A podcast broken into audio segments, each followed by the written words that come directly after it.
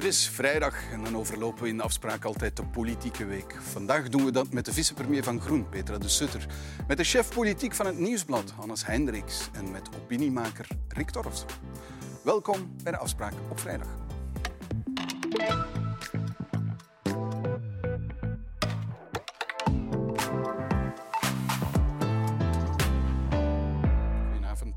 Goedenavond Petra de Sutter. Populairste politicus bij het publiek van Humo. Wat doet dat met een mens? Ja, dat doet plezier natuurlijk, maar dat brengt ook wel een gevoel van verantwoordelijkheid mee. Ja? Ehm, Want u- Er is veel werk op de plank en dat moeten we dan waarmaken. En ik hoop dat het inderdaad eerder te maken heeft met eh, waar wij voor staan en de manier waarop ik aan politiek doe. Ehm, en een beetje duurzaam mag zijn. Natuurlijk doet dat plezier. Maar u laat uw partijgenoten ver achter u. U lijkt stilaan wel de enige troef van Groen geworden te zijn. Wel, we zijn echt wel een partij waar we intiem werken. Dat is altijd zo geweest. Ehm, en de partij zit goed in haar vel, dat wil ik toch even zeggen. Ik doe nu heel veel nieuwjaarsrecepties en dan ga je heel veel bij lokale groepen en je voelt dat mensen er echt wel zin in hebben. Dat ze echt wel zeggen van oké, we hebben een verhaal en dat verhaal moeten we brengen. En dat gaan we ook doen naar 9 juni toe. Met een heel sterke klemtoon op Brussel. Hoe komt dat eigenlijk? Dat is uitzonderlijk voor Vlaamse partijen. Hè? Ja, we hebben altijd heel veel goede kandidaten, goede mensen in Brussel gehad natuurlijk. Ik denk aan Elke van den Brand, ik denk aan Tine van der Straten. De voorzitter. Nadia, eh, die natuurlijk ook van Brussel is. Eh, ja, dat, dat is een beetje toevallig hoor. Ik denk dat dat, eh, dat dat wel mee zal vallen in andere provincies ook. En het geeft ook de mogelijkheid om nieuwe mensen te lanceren. Hè? Want dat is eigenlijk toch Ja. wat je wil. Je wil continuïteit enerzijds en toch ook wel vo- voldoende vernieuwing. Dat, dat zit ook in ons DNA. In Brussel, laatste peiling van de collega's van het Laatste Nieuws en VTM, blijkt de PvdA verrassend genoeg de grootste partij te zijn. Wat zetten jullie daar tegenover in Brussel dan bijvoorbeeld? Ja, maar eh, bon, dat is ook in Vlaanderen zo natuurlijk en in Wallonië. Ik denk dat, eh, eh, dat het een partij is die, die niet aan het beleid kan en zal deelnemen. Dat is een partij die extreme standpunten inneemt die niet realiseerbaar zijn. Maar de grootste, dus succes heeft. De- dus absoluut, net zoals de rechterzijde ja, ook het Vlaams Belang succes heeft. Dus wat je eigenlijk ziet is die polarisatie naar de extreme, links en rechts, neemt gewoon toe. Wat betekent dat wij in het midden, als ik het zo mag zeggen, en daar zijn wij natuurlijk aan de linkerzijde, ehm, een grote, grote verantwoordelijkheid opnieuw hebben en heel veel werk aan de winkel om mensen te overtuigen. Want wij zijn partijen die aan het beleid kunnen deelnemen, die dus echt wel het verschil moeten maken. En de zweeppartijen aan de, aan de extreme, ja, die, eh, die gaan het niet waarmaken natuurlijk. Oké, goed. Rick Torfs, goedenavond. Goedenavond. Ehm, heel verontrustende beelden, zal ik het zo noemen. Of toch opvallende, ik zal een neutraler woord gebruiken. Opvallende beelden uit Italië. Laten we er misschien even naar kijken.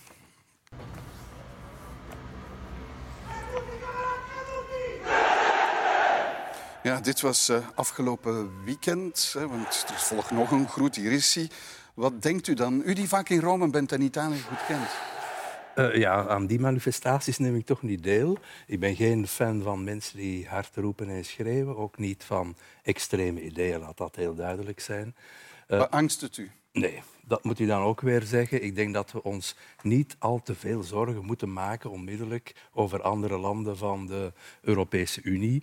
Eh, in Italië heb je nu inderdaad een eerder rechts, eh, rechtse regering. En zorgt die voor een klimaat die dit mogelijk maakt? Wel, dit gebeurde ook vroeger. Dat is een jaarlijkse bijeenkomst die ik niet fantastisch vind. Dat is een andere zaak.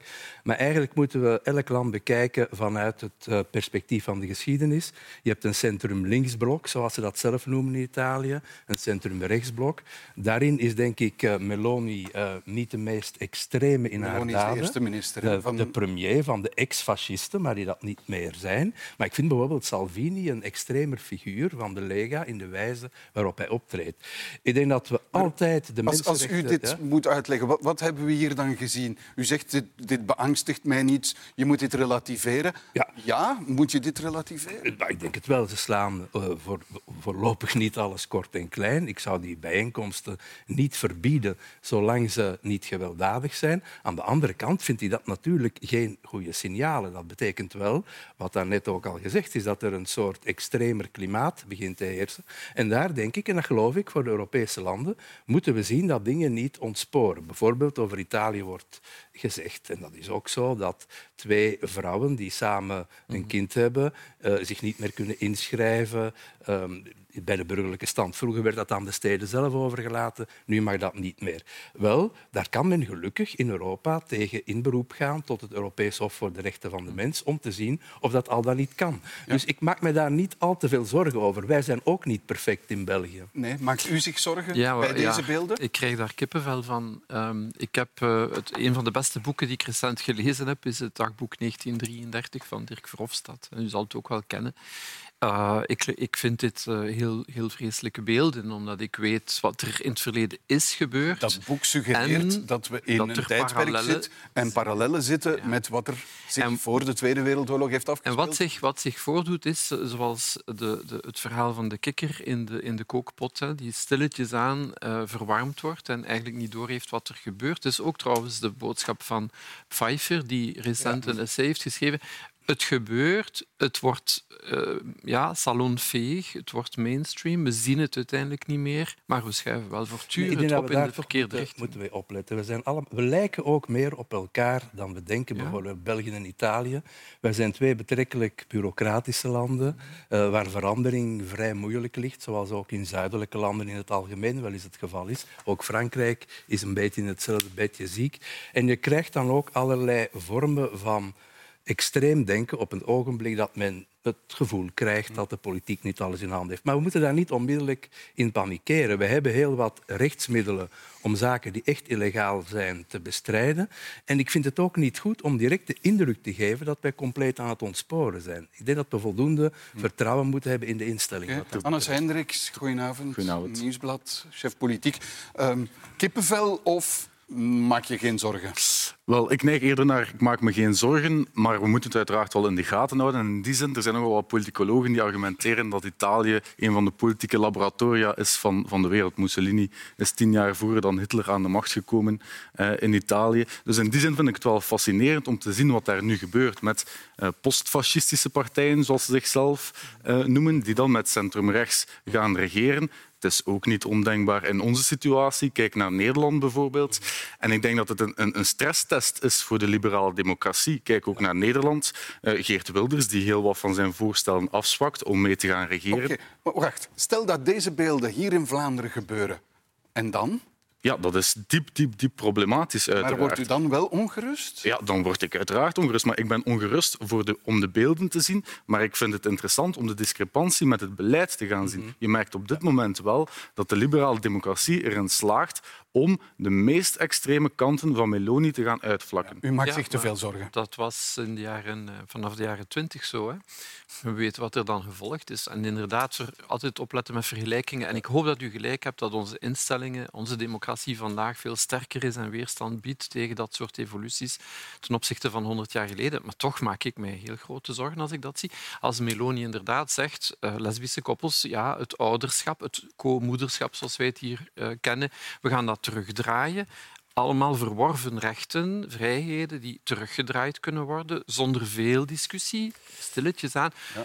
Er zijn rechtsmiddelen, er ja, zijn rechtsmiddelen om ja, te bestrijden. Dus dat vind ik een heel belangrijk punt. En dat is een verschil met bijvoorbeeld uh, de jaren dertig, want de gelijkenissen worden altijd naar voren gehaald. Een verschil is dat we nu in een veel bredere context zitten met veel meer checks en balances. Als u zegt de gelijkenissen worden in de verf gezet, je zou ook de verschillen in de verf moeten zetten. Dat vind ik wel. We zitten inderdaad in een... Uh, ja, sinds 1950 hebben we dus het Verdrag van Rome, het Europees Verdrag voor de Rechten van de Mens, met uh, directe werking als er dingen mislopen, kunnen die daar onmiddellijk aan de kaak worden gesteld. Men kan uh, non-discriminatie naar, naar voren halen. Uh, ook, ook, de procedures die niet goed worden gevolgd. Dus in die zin ben ik wat dat betreft vrij gerust. En ik denk dat ook een te paniekerige reactie contraproductief kan zijn. Mensen gaan dan de indruk hebben, ja, wij worden opzij geschoven, anderen weer niet en zo meer. Ik ben heel sterk een voorstander van het rustig wat te laten lopen. Een ander punt bijvoorbeeld over Italië. Er wordt gezegd, de persvrijheid wordt daar uh, ingeperkt, zegt men vaak. Maar je hebt daar ook nog een ander punt. Uh, vroeger, ten tijde van alle christendemocratische potentaten, die vaak ook uh, relaties hadden met de maffia, zij het op christelijke manier, had je ook een soort verdeling in de media. Bijvoorbeeld het was eigenlijk zo wat aan de communisten gegeven die niet in de regering zaten. Dus in feite heb je ook een lokale traditie van met media omgaan die je ook moet bekijken. Dus aan de ene kant zijn er veel meer gelijkenissen tussen ons en andere landen dan we denken. En aan de andere kant is er een lokale cultuur die ook mee. U blijft, u blijft het... Ja, toch wel. Omdat uh, ja, we hebben ook gezien wat er in Hongarije gebeurt. Uh, eerst ook in Polen. Polen is nu toch weer een andere koers aan het varen. Er was een sterke oppositie. Dat, dus daar kan je zeggen... de kracht van de, democratie werkt. Maar Hongarije is wel op een ander pad. Hè. En dus daar weet ik niet wat er gaat gebeuren en hoe Hongarije zich ten opzichte van Europa zal blijven verhouden.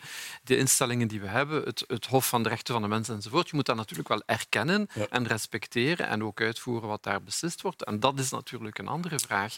Dus Oké, we zullen zien wat de toekomst brengt. Ik ben er toch niet helemaal gerust in. Goed, gaan we dan naar een ander onderwerp. Want Zuid-Afrika heeft gisteren voor het internationaal gerechtshof in Den Haag proberen aan te tonen dat Israël genocidale intenties heeft in Gaza. En vandaag, vandaag heeft eh, Israël zich daartegen verdedigd. En intussen heeft onze minister van Ontwikkelingssamenwerking, Caroline Genet, in Knak de Duitsers verweten dat ze zich voor de kar van Israël laten spannen.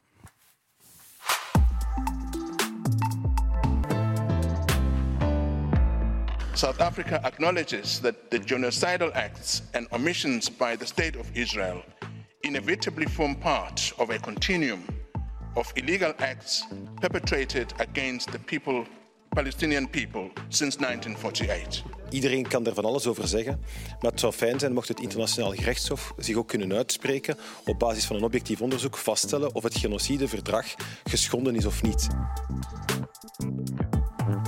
Ik stel vast dat het trauma dat de Tweede Wereldoorlog nagelaten heeft in Duitsland niet voor intern gebruik, maar voor extern gebruik en het beoordelen van wat er vandaag gebeurt, zowel in Israël als in Palestina, dat dat zorgt dat die discussie niet op basis van feiten kan gevoerd worden. Maar dit is er zo ver, zo los over, dat ik dacht van dit is, dat kan je toch niet maken, mevrouw Genet.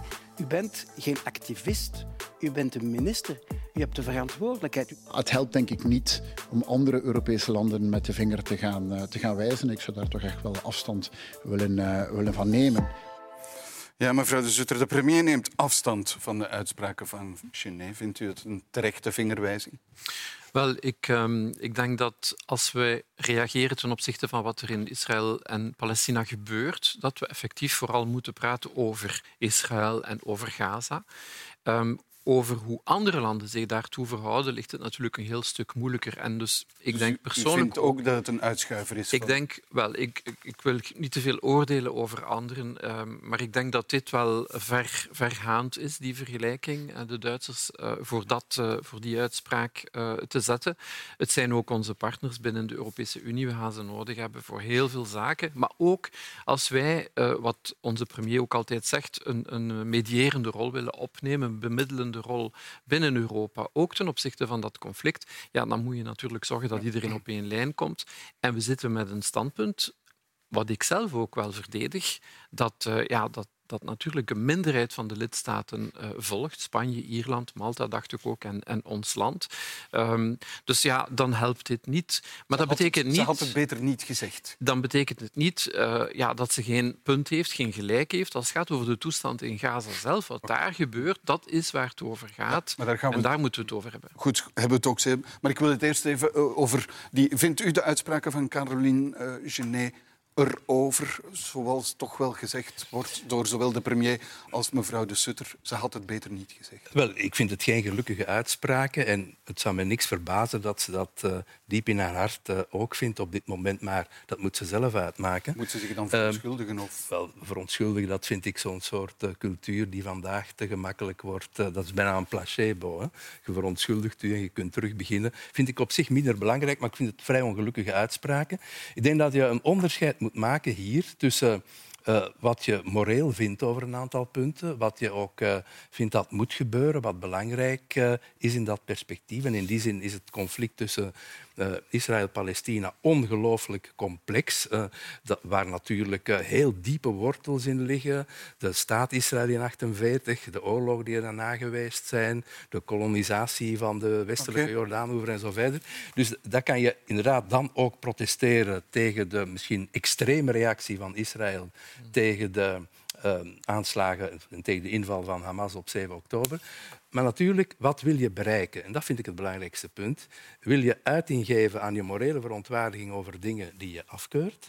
Of zeg je, kijk, laten we zien hoe wij in Europa een bijdrage kunnen leveren om in eerste instantie het bloedvergieten te stoppen en op lange termijn te kijken wat er kan ja. gedaan worden. En dat zou mijn insteek zijn. De minister, ik ging bijna zeggen de echte minister van Buitenlandse Zaken, Ajal Habib, is forser in haar reactie op mevrouw Genet. Contraproductief en absoluut niet haar rol ja. uh, zijn, zijn de uitspraken. Uh, hoe komt dat? Wel, ik begrijp dat eerlijk gezegd niet zo goed. Want eh, als ik het goed begrijp, is premier De Croo zelf naar Israël afgereisd met het standpunt uh, nul burgerdoden.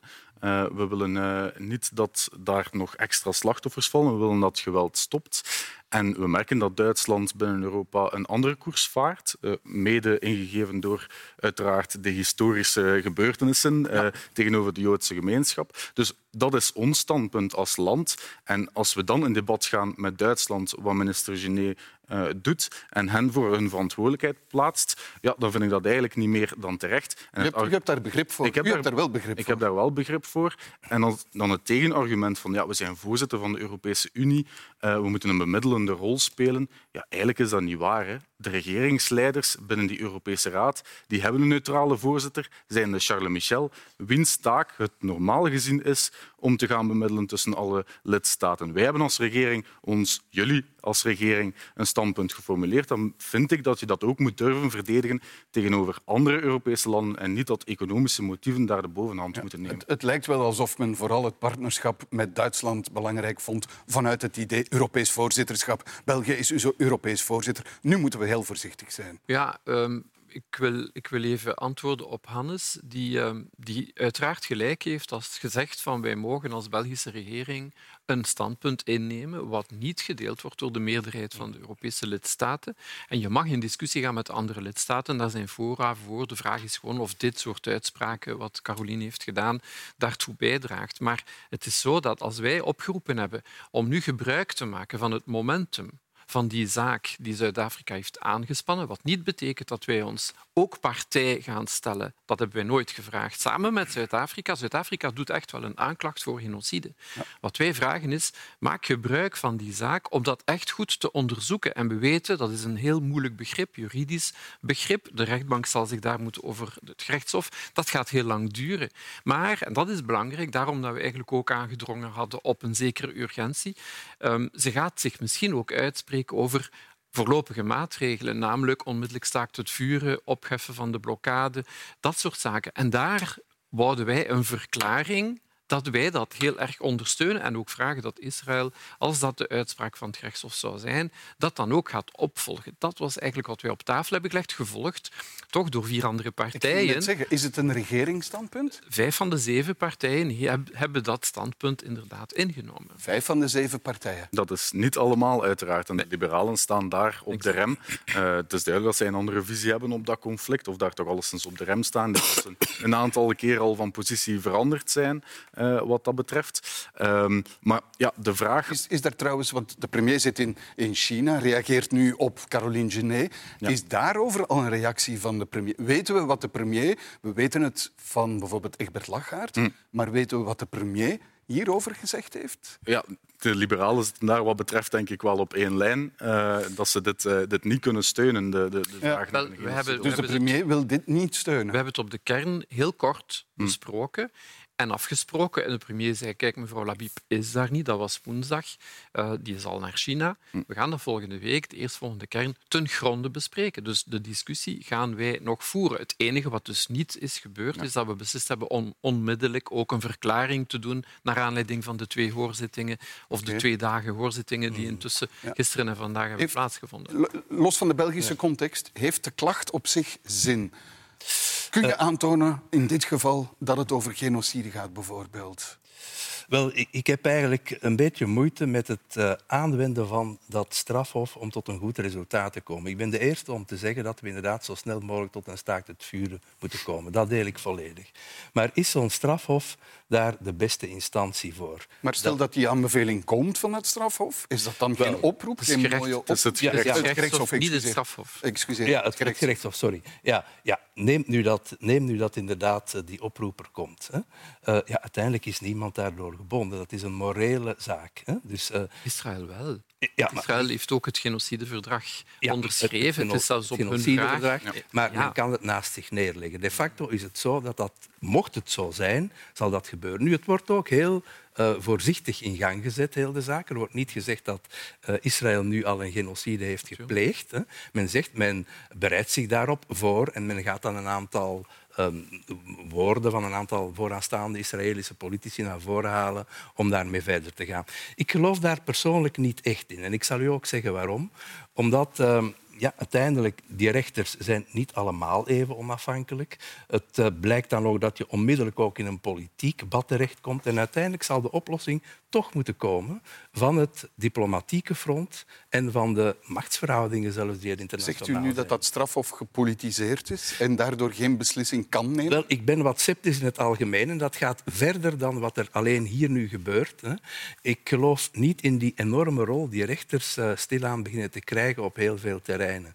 Er is een heel sterke juridisering van allerlei problemen waarbij rechters wel uitspraken doen, maar ook heel veel terrein innemen terwijl je eigenlijk politieke oplossingen moet zoeken. Ja. Dat was iets wat eigenlijk al vroeger bestond. Hè. Dus, um, in, in, het begin van de Amerikaanse geschiedenis uh, kwam Thomas Jefferson al op tegen le gouvernement des juges, om het dan in het Frans te zeggen, waarbij rechters een oligarchie heel veel te zeggen zouden hebben, terwijl er eigenlijk veel ruimte zou moeten zijn voor democratisch debat.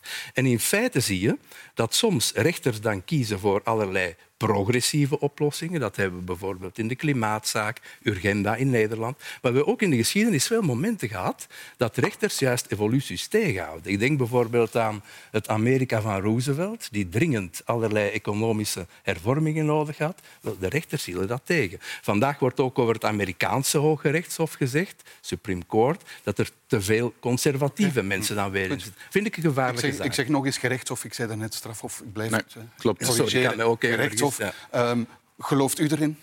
Wel, ik, heb, ik ben er een beetje beducht voor dat uh, het gerechtshof wordt aangewend om een semantische discussie te gaan voeren. Namelijk, is daar op dit moment een genocide bezig of niet? Um, dus dat je die discussie gaat evacueren en inderdaad deels aan rechters gaat overlaten. Want ja, ik stel me de vraag of de Palestijnen daar ook bij gebaat zijn. Uh, wat zij het liefst hebben, dat iemand boven hun hoofden beslist ja, dit, hier kleven we de term genocide op, of dat je zelf als politiek inderdaad wel acties gaat, gaat ondernemen. Dus ik, die semantische discussie, ik zou liever hebben dat het, dat het gaat inderdaad om acties. We zijn ook voorzitter van de Europese Unie. Als je dan denkt bijvoorbeeld aan wapenleveringen die er nog steeds zijn vanuit het Westen aan Israël, of bijvoorbeeld economische sancties die tegen Rusland wel mogelijk waren, dan denk ik misschien moet het debat eerder daarover gaan. Ja, daar hebben we al lang toe opgeroepen, hè, als we het over sancties hebben, of bijvoorbeeld de producten, een boycott van de producten uit de bezette gebieden, dat soort zaken, dan wordt dat natuurlijk ook wel naar Europa geëvacueerd en dan moet je daar een Europese regeling rond treffen.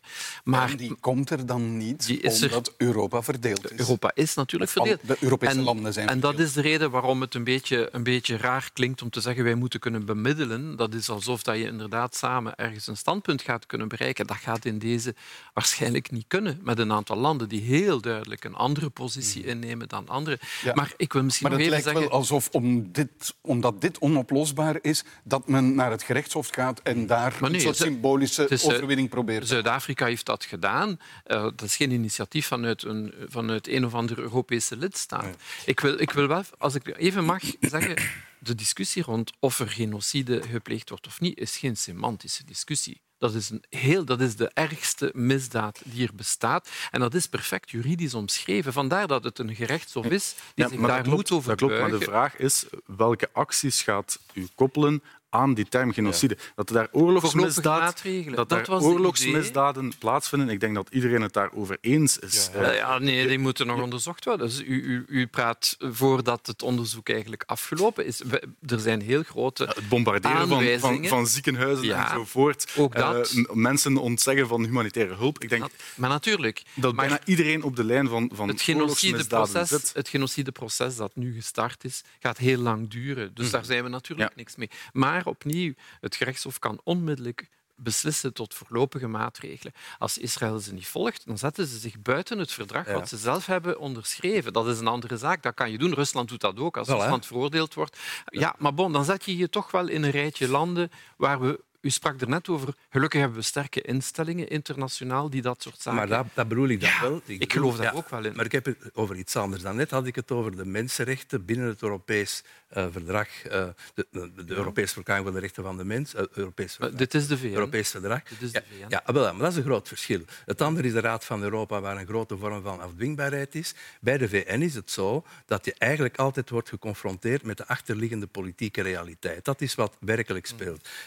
Mijn eerste vraag en mijn enige vraag is eigenlijk hoe kun je dit conflict in zijn gewelddadigheid in eerste instantie beëindigen? Dat is fase 1. Hoe doe je dat het best? En dat doe je niet het best via rechters. Wel, daar twijfel ik sterk aan. Via politieke druk. Ja. Uiteindelijk is het de internationale gemeenschap, ook de Verenigde Staten, die toch wel duidelijke taal spreken, Ja. blinken, eh, is niet mis te verstaan. Als we dat ook vanuit Europa zouden doen, Ja. de druk op Israël opvoeren om te zeggen, dit Ja. moet echt stoppen. Dit is niet meer proportioneel. Maar waar u het nu over hebt, ja, daar ben ik het mee eens. Hè. Dus dat was ook mijn vrees in het begin, dat die reactie niet proportioneel zou zijn na 7 oktober. Maar hier hebben we het nog over de officiële internationale retoriek. Ook wat Blinken publiek zegt, is natuurlijk officiële internationale retoriek. Wat wij zeggen in Europa is dat ook en niet meer dan dat. Want echt internationaal meespelen in dit conflict doen we niet als het op de echte onderhandelingen aankomt. Onder die officiële retoriek zit dan de laag van de echte diplomatie. Dat is duidelijk. En daar moet op een gegeven moment een punt worden gevonden waar beide partijen zich ergens kunnen invinden om tot een staakt het vuur te komen. Dat is fase 1. En dan denk ik, daar helpen die juridische uitspraken en de retoriek daar rond op dit moment niet bij. Dat is mijn idee erover. Al kan, wat mij betreft, het staakt het vuur niet snel genoeg komen. Ja. En intussen groeit er bij een grote groep mensen, ook in ons land, het gevoel van dit kunnen we niet meer laten gebeuren. Dat leidt dan bijvoorbeeld tot de acties in Mechelen eh, op eh, die, dat, dat evenement die ons doen. Hoe kijkt u daar dan naar? Wel ja, ik denk dat veel mensen het gevoel van machteloosheid hebben, omdat we als politiek ook niet echt een, vuist kunnen maken. We kunnen dat niet eh, als Belgische politiek zijnde, ook niet als Europese politiek. En we zien dat Amerika daar in de pro-Israël-richting dan wel toe in staat Maar, helpt en dat leidt wel om bijvoorbeeld een evenement eh, ter ere van het Europees voorzitterschap in, in Mechelen te gaan verstoren, als je dat woord wil gebruiken? Wel ja, er is daar een dichteres die dat forum dat haar is aangeboden heeft aangegrepen om een mening te verkondigen.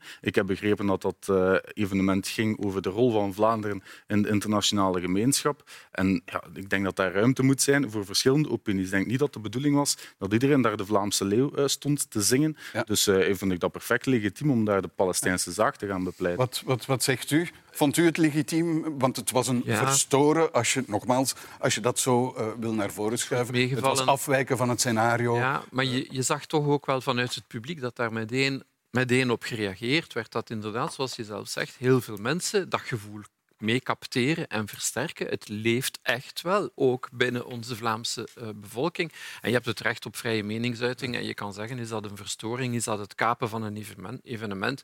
Ik, heb daar, ja, ik heb dat gezien en ik heb gezegd, ik ben eigenlijk wel blij dat mensen zich publiek uitspreken. Dat ik niet de enige ben. Ik doe dat op mijn politiek vlak. Er zijn ook artiesten die dat doen en die dus effectief die boodschap die heel veel mensen frustreert, zoals je ook wel zegt. Wij kunnen te weinig doen vanuit België, vanuit Europa. Ja, we kunnen wel onze stem laten horen. Vindt u, voelt u die machteloosheid ook? Bijvoorbeeld met dat voorbeeld van wat zich op dat evenement heeft afgespeeld. Keurt u dat goed of zegt u niet doen? Wel, dat de machteloosheid er zeker is. Eh, niet alleen omwille van het feit dat de dingen niet vooruit gaan, dat er geen vrede komt, of toch geen staakt het vuur. De vrede is nog wat anders. Ook de machteloosheid van Europa. Eh, u zal mij ook zelden horen zeggen dat iets niet mag gezegd worden. Ik ben een groot voorstander van freedom of speech. En mensen De dichteres dan- zei bijvoorbeeld van the river to the sea is een zeer omstreden eh, begrip, want dat gaat Wel. dan over ja, Ja. het volledig uitschakelen als je het heel extreem neemt van Israël. Eh, want dat is dan from the river to the sea. Wel, daar zou je dan over zeggen. Eh, mensen mogen zeggen wat ze willen. Het is bij voorkeur goed dat ze begrijpen wat ze zeggen. From the river to the sea kan ook op verschillende manieren worden geïnterpreteerd natuurlijk. Ze bleef heel erg, ter- heel erg achter die uitspraak staan. Hè? Ja. En vond die ook verantwoord. Ja, goed. Hè? Dus eh, sommige mensen die vroeger na het ontstaan van de staat Israël die uitdrukking gebruikten, willen terug naar de toestand voor 48. Je zou het ook kunnen interpreteren als eh, ja, één land waar eh, zowel Israëli's als Palestijnen in vrede samenleven. Wat denk ik moeilijk zal zijn, waar de PLO ook is van afgestapt in de jaren 90, want wanneer het twee-staten-model naar voren is gebracht. Ik zou persoonlijk die uitdrukking niet gebruiken. Ik begrijp wel dat er mensen zijn die heel erg bij het conflict zijn betrokken. Ook sommige vrienden van mij die die wel gebruiken. Maar natuurlijk, je moet wel weten dat het niet meteen een uitspraak is die ja, heel vredelievend klinkt en die mensen gaat helpen om een oplossing te brengen. Ja. Maar Hebt u zich daaraan geërgerd, aan Wel, die uitspraak? Het is ten gronde, zo begrijp ik die uitspraak, oorspronkelijk betekent dat dat op het volledige grondgebied Palestijnen vrij moeten kunnen zijn en het recht hebben, Mm. dezelfde rechten moeten kunnen hebben als mensen met, eh, als Israëli's. Dat die uitspraak is natuurlijk wel gekaapt geweest door Hamas en dan geïnterpreteerd door Israël als ja, men wil eigenlijk de staat Israël vernietigen. Afschaffen. En in- Maar bon, dat, dat is de discussie over, over een, een slogan, hoe je die interpreteert. We hebben daar veel voorbeelden van. Helaas, dat, wekt, dat, dat leidt tot meer polarisatie. Ja. Eh, dus in die polarisatiediscussie zou ik liever niet terechtkomen. Mhm. Ik begrijp wel wat, wat zij heeft willen doen met die uitspraak, die door veel mensen ook op die manier wordt begrepen. Eh, en ik zou ze ook op geen andere manier interpreteren dan vrijheid voor Palestijnen op Hans dat grondgebied. Hebt u zich daaraan geërgerd? Eh, aan die uitspraak eigenlijk wel. Ehm, omdat ja, je merkt bij de Joodse gemeenschap toch een heel grote gevoeligheid voor die uitspraak. Ehm, los van wat de bedoeling is van de persoon die die uitspraak hanteert, als je weet dat die gevoeligheid zo groot is en dat de Joodse gemeenschap die eh, als antisemitisch ervaart en ja, eigenlijk als een, als een bedreiging of een bedreigingsuiting, ja, dan vind ik wel dat je daar rekening mee moet gaan Het was houden. provocerend Ja, er- als je da- daar rekening Er mee zijn ook woorden, eh, zoals het N-woord, dat we niet meer gebruiken, omdat dat binnen een bepaalde gemeenschap heel erg gevoelig ligt. Ik denk dat dat intussen heel duidelijk is dat binnen de bevolking daar veel mensen rekening mee houden. Ik vind dat we dan ook rekening moeten houden met de gevoeligheden van de Joodse gemeenschap. Wel, ik denk Goed. ook als je zegt from the river to the sea, dat is niet meteen een aansporing voor Israël om tot het staakt het vuur over te gaan. Dus in die zin is, het, is dat moeilijk. Begrijpelijk, maar ik vind het niet altijd even gelukkig. Goed, laten we eens eh, naar een ander onderwerp gaan. Want staatssecretaris Nicole de Moor voor asiel en migratie heeft het migratiewetboek herschreven. Het moet nog wel door de regering en door het parlement worden goedgekeurd en daar is weinig tijd voor. En intussen heeft een deurwaarder één ijskast en één koffiezet in beslag genomen op het kabinet van de staatssecretaris omdat ons land de dwangsommen weigert te betalen als gevolg van duizenden veroordelingen omdat asielzoekers geen opvang zouden krijgen.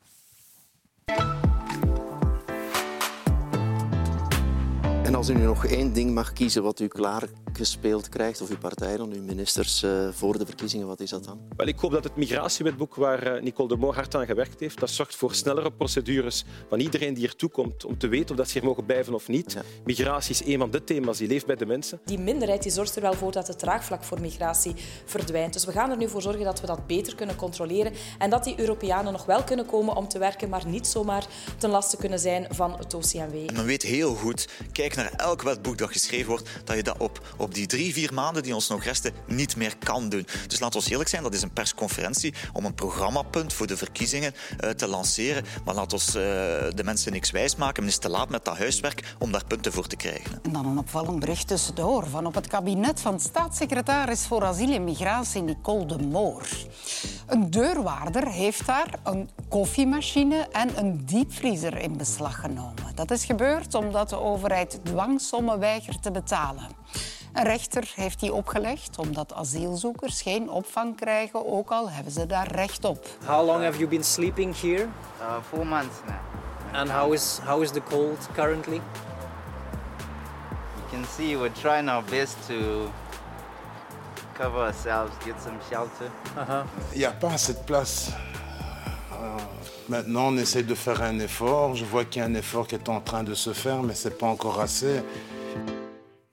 Ja, mevrouw de Sutter, worden in deze barre tijden nog altijd alleenstaande mannen geweigerd op, uh, of bij de asielopvang? U weet dat, uh, dat dat een uitspraak is van de staatssecretaris waar we natuurlijk heftig op gereageerd hebben, omdat dat een intentie zou ingehouden hebben. Zij heeft dat uh, betwist. Ze heeft gezegd nee, ik geef voorrang aan gezinnen met kinderen en ik kan maar opvangplaatsen bieden die ik heb.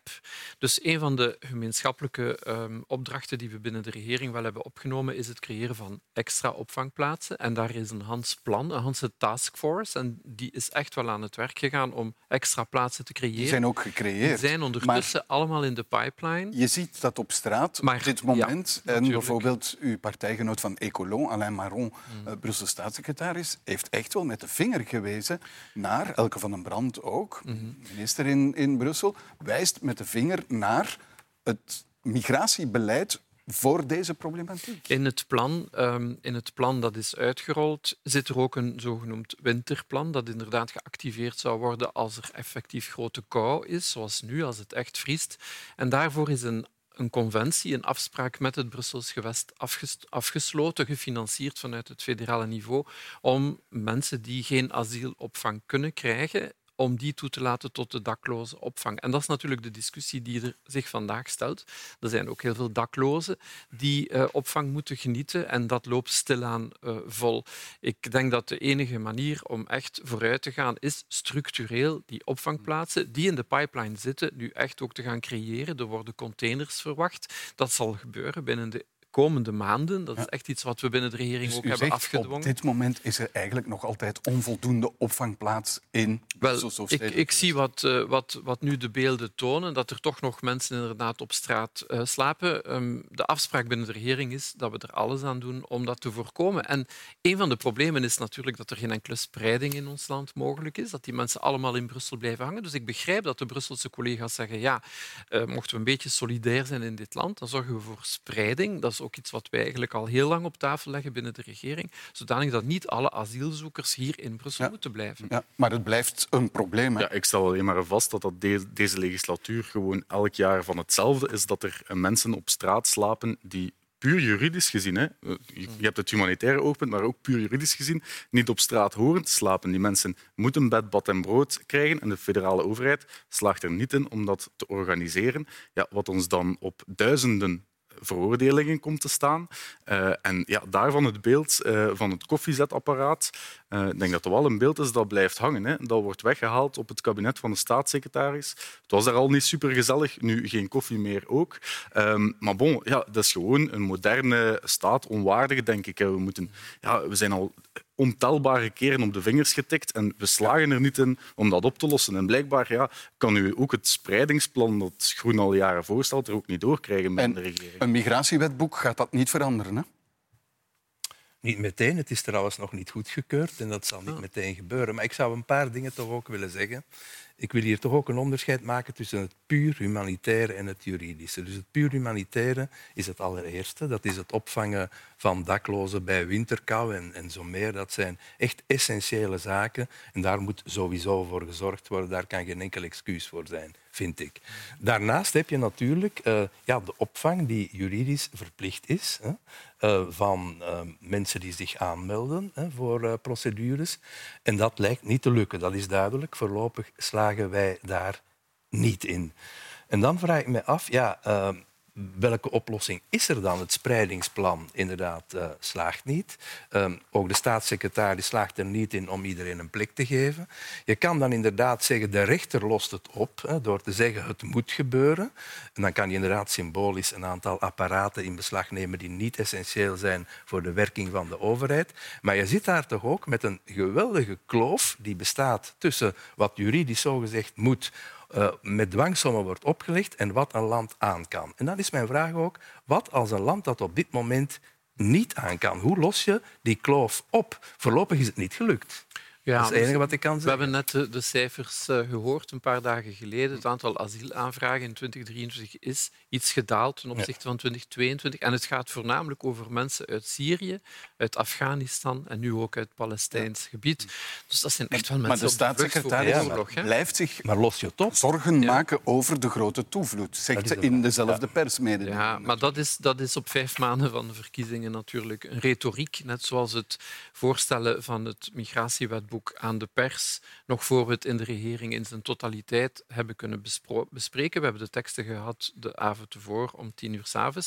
Het waren allemaal teksten waar de krijtlijnen van afgesproken waren, maar de uitwerking in zijn totaliteit nog op de regeringstafel moet komen. Men is daar ondertussen mee begonnen, waar ze toch ook een aantal dingen aan toegevoegd heeft waar heel duidelijk geen consensus over bestond in de regering. De woonsbetredingen, dat is een typisch iets wat al twee jaar duidelijk binnen de regering niet zal gebeuren. Wat ook niet En- besproken is binnen die 18 IKW-vergaderingen Nee, nou, die wel, geciteerd er- worden. Iedere keer als dat besproken wordt, wordt er gezegd dit, dit gaan wij ter linkerzijde nooit accepteren. Toch staat het nu in de tekst die ze heeft. Eh, Dus dat is, denk ik, inderdaad wel een beetje omwille van de nakende verkiezingen. Ja, en dan, dan zie je de naam ook van, van het document. Ja, gecontroleerde migratie, inderdaad. Ik denk dat eh, mevrouw De Moor een wetboek heeft geschreven waar eh, dat noodzakelijk was volgens de administratie, want de wetgeving was verouderd. Eh, maar dat ze daar wel een politieke saus heeft over gegoten met een aantal voorstellen, zoals inderdaad de woonsbetreding. Ehm, ik denk wel dat die saus schrapbaar is. Het wetboek is geen, geen verloren werk. Dus in die zin hoop ik wel dat de regering daar nog mee aan de slag gaat. Dat is ook zo. Hè. Dus die, er zijn opnieuw uh, interkabinettenwerkgroepen, IKW's, rond die teksten. En uh, we zijn constructief. Alle partijen rond de tafel, dat is de feedback die je krijgt, wil daar wel... De voorzitter van CD&V, Sami Medi, zegt van...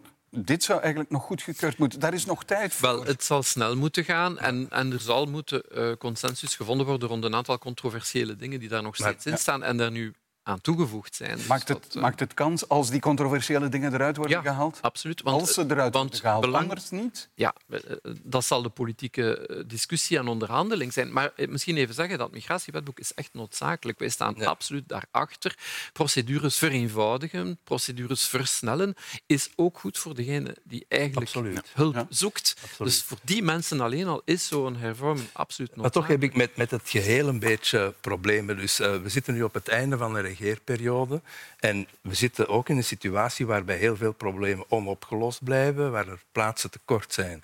Ik vind dat je ook die, Zwarte Piet niet alleen kan doorsturen aan mevrouw De Moor. Dat is ook een verantwoordelijkheid van de hele regering, dat dat voorlopig niet gelukt is akkoord dat dat migratiewetboek bijvoorbeeld allerlei procedures gaat vereenvoudigen. Ook allerlei uitwegen die er nog bestaan om in nieuwe procedures te beginnen, waar België ongeveer uh, Europees kampioen in is. Een goede zaak. Aan de andere kant blijft toch, denk ik, bij veel mensen de gedachte leven dat zowel Europa, waar nu ook nieuwe maatregelen genomen zijn, als België eigenlijk niet in staat is om de migratiepolitiek te beheersen. Er is allemaal wel wat kunst en vliegwerk achteraf, maar de gedachte is, we kunnen nog we kunnen akkoorden sluiten met Europa, we kunnen nieuwe wetboeken uitvaardigen. Maar fine finale, blijven mensen binnenkomen, kunnen we het niet aan, vinden we geen op opvangplaatsen, hebben we ook geen terugkeerbeleid. En dat leidt tot, denk ik, een enorme frustratie bij heel veel ja. mensen. Is, is het in die zin een opsmukoperatie? Wel, ik, ik, merk wel dat er bij, uh, als het over migratie gaat, in, in veel simplisme gesproken wordt. Hè. Dus uh, we gaan nu een wetboek schrijven en dat gaat het oplossen. Ja, nee, uiteraard niet. Uh, het migratiepact, mevrouw De Moor zei daarvan, ja, dat leidt tot 20.000 minder asielzoekers per jaar. Uiteraard niet. Zo, zo eenvoudig gaat dat niet. We, we zitten in een, een, Europese context met open ja. grenzen. dus die oplossing moet naar, binnen Europa gevonden worden. Ook u, mevrouw De Sutter, als u zegt ja, de meeste vluchtelingen um, die komen uit oorlogsgebieden, eigenlijk is dat puur volgens onze regelgeving niet waar. 45 procent van de asielzoekers die krijgt effectief asiel. Dat wil zeggen 55 procent niet. Ik hoor heel weinig voorstellen over wat we met die 55 procent gaan doen. Nee, Want dat zijn mensen die we, als we daar geen plan voor hebben, in de illegaliteit dreigen te duwen. En dat zijn mensen die op straat komen te liggen in Brussel. Ja. Dus daar, de twee andere pijlers naast opvang, zijn instroom en terugkeer. Mm -hmm. En daar merk ik binnen de regering heel weinig voorstellen omdat die heel Ja. gevoelig liggen. Het aantal de mensen klemtoon die- op opvang en niet op die andere pijlers. Jawel, toch wel. Binnen de regering hebben we ook een aanklampend terugkeerbeleid goedgekeurd in wetteksten die eigenlijk al in het parlement zijn, die nu ook goedgekeurd zijn. By the way, waar ook in staat dat we geen kinderen zullen opsluiten. Ik wil dat toch ook nog even zeggen. Maar hoort is- woonsbetreding daar bijvoorbeeld niet woonsbetredingen- bij? Zou, zou dat niet daarbij moeten Kijk, horen bij een de aanklampend woonst, beleid? de woonst is grondwettelijk beschermd. Dat is een grondwettelijk recht. Tenzij je een misdrijf bedrijft en in het kader van gerechtelijk onderzoek kan je woonst niet betreden Dus als je de deur dat- nooit open doet, kan je eigenlijk het land nooit worden uitgezet wanneer je in, eh, zonder papieren... Woonsbetredingen zijn echt, moeten omkaderd worden binnen het juiste juridische kader. En als je zegt, eh, in onwettig verblijf zijn is een misdrijf en, en dat is strafrechtelijk te vervolgen, ja, dan zit je toch wel in een andere context. Dit is niet de, de, de context die wij hebben in ons land. Dus wat- onwettig verblijf is, wat is geen misdrijf. Wat is dan volgens u aanklampend of, of een goed Wel- aanklampend beleid? Maar dat, dat ligt in het parlement, wordt goedgekeurd, dat is beslist. Hè. Dus dat je inderdaad bijvoorbeeld mensen ook echt vraagt, eh, ja, vraagt eh, met aandrang vraagt om mee te werken bijvoorbeeld aan procedures, dat soort Maar- zaken. is toch- Dat is afgesproken Akkoord, binnen de regering. Het is toch een beetje vreemd dat een aanklampend terugkeerbeleid, het is toch geen nieuw fenomeen, dat we daar nu op dit moment nog moeten mee bezig zijn in het parlement. Dat betekent dat het vroeger niet gebeurd is. Dat Ja, we daarin Deze regering heeft dat voor het eerst eh, gerealiseerd. Ja, dat we is zitten nu- inderdaad zo. Maar helemaal En- op het einde. Dus in feite betekent dit dat we daar, en ik verwijt niet alleen deze regering dat, ook vorige regeringen zijn daar niet in geslaagd, dat we daar nooit een beleid van hebben gemaakt dat we kunnen afdwingen. En in dat veel mensen zelfs kunnen leven, kunnen leven met een betrekkelijk mild beleid op het vlak van migratie. Maar wat mensen niet aanvaarden, is juist die machteloosheid. Het onvermogen om de regels die je zelf gemaakt hebt toe te passen. Daar ligt denk ik het failliet dit van een bepaald want- systeem. want Dit is wet, dit Bij de echt- terugkeer, mevrouw, mevrouw de Sutter, krijg je een papiertje in de hand geduwd. Wat is nu het aanklampende? Men gaat je een paar keer vragen om dat papiertje goed te lezen Nee, en het zijn- uit te voeren. Er zijn een aantal maatregelen genomen die in het parlement liggen, die we binnen de regering hebben goedgekeurd om effectief ook de terugkeer efficiënter te maken, te zorgen dat die inderdaad plaatsvindt. Zoals? Ook voor ons is dat de sluitstuk van elk migratiebeleid. Zoals? De Eén 55 procent, de 55 procent die u hebt genoemd, mensen die inderdaad hier geen bescherming kunnen krijgen, ja, die moeten terug naar het land van herkomst. Ja, ja, maar waar maar botsen hoe? we? Hoe? Ja, wel, een, een simpel voorbeeld. Heel wat van de landen van herkomst, daar moet je natuurlijk akkoorden mee sluiten, zodanig dat die bereid zijn om de mensen te nemen. Dus daar moet op ingezet worden. Je kan geen mensen, je kan een papiertje geven en zeggen je moet terug naar je land. Als dat land die mensen niet wil terugnemen, dan verdwijnen die inderdaad hier maar in onwettig Daar verblijf. geldt de opmerking van professor Torfs. Dat betekent dat dat nog altijd niet gebeurd is. Ja, toch wel. Ja, toch wel. De, er, zijn, er zijn heel wat, heel wat akkoorden, heel wat discussies met dat soort landen die gevoerd worden om er inderdaad voor te zorgen dat mensen die hier niet kunnen blijven terug moeten keren. Hoeveel procent Dus- zal effectief terugkeren van die mensen die Ja, afgewezen ik- zijn? die cijfers heb ik zelf nu niet in het hoofd. Die kunnen we natuurlijk gaan opsporen. En het klopt dat er inderdaad een groep mensen is in onwettig verblijf in ons land.